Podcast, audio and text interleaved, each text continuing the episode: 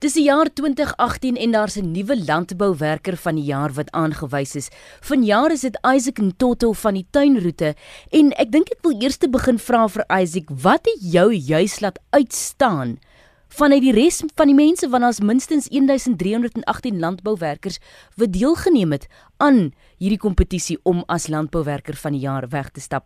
The hard work and um, the love and the passion for agriculture um, that I've been putting on in this um, department from the website when I started uh, as a young person into agriculture. So I think the most thing that has been uh, uh, outstanding about me is the love and the passion for, for the world of Africa.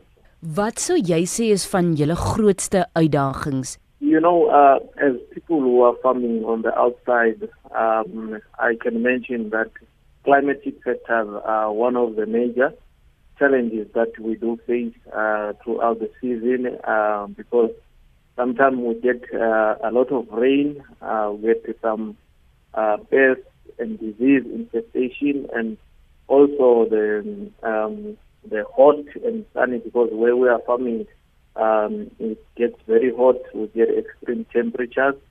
Uh, here in um, that various farm in uh, Brandwa.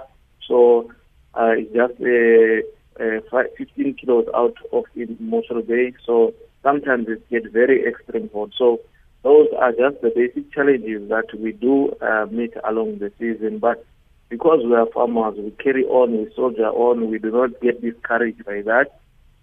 Uh, because what we, we believe is what we are called for uh, to farm and to produce great works for for the society we live in and create jobs for the people around us. So, uh, so that doesn't bring us down, but we just soldier on and carry on in the midst of those challenges. Isaac met die brande onlangs in die Suid-Kaap, wat is van die skade wat julle daar gekry het?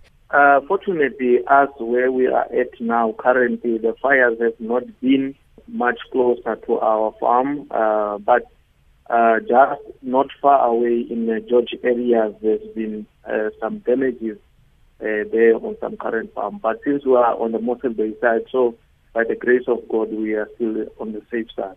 En dan gitter afsluiting Isaac, wat wil jy sien moet verander in die toekoms van landbou? Um, well, in the future for agriculture, I would like uh, that our people will invest more time more um, because out of the setting of the farm, I believe in myself that uh, people are one of the most important and a crucial part uh, of of the of the farming. So if we can spend uh, a lot of time and attention in developing our people, gaining and giving them some more skills, that for me it's a you know when people gain a trade it's something that they will stay with uh, for their lifetime.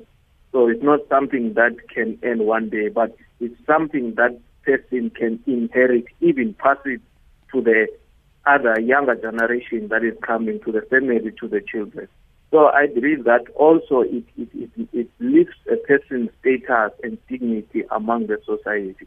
So i believe that if in agriculture, we can invest more time in developing our labor and into a greater being. It will also make them feel that they are gravitated um, in the farm. They are part of the system and also an inclusive management that even anything that is happening on the farm will include them in decision making and also understanding that we come from different backgrounds, different cultures, that we, when we are here, we are here to integrate and uh, become one. And when we become that one strong team, we can conquer anything in the world. So I believe if we can just uh, make point and note and stress those points, and also um, with people where they are living and so on. So I believe that it will make a greater difference into the society also on the outside.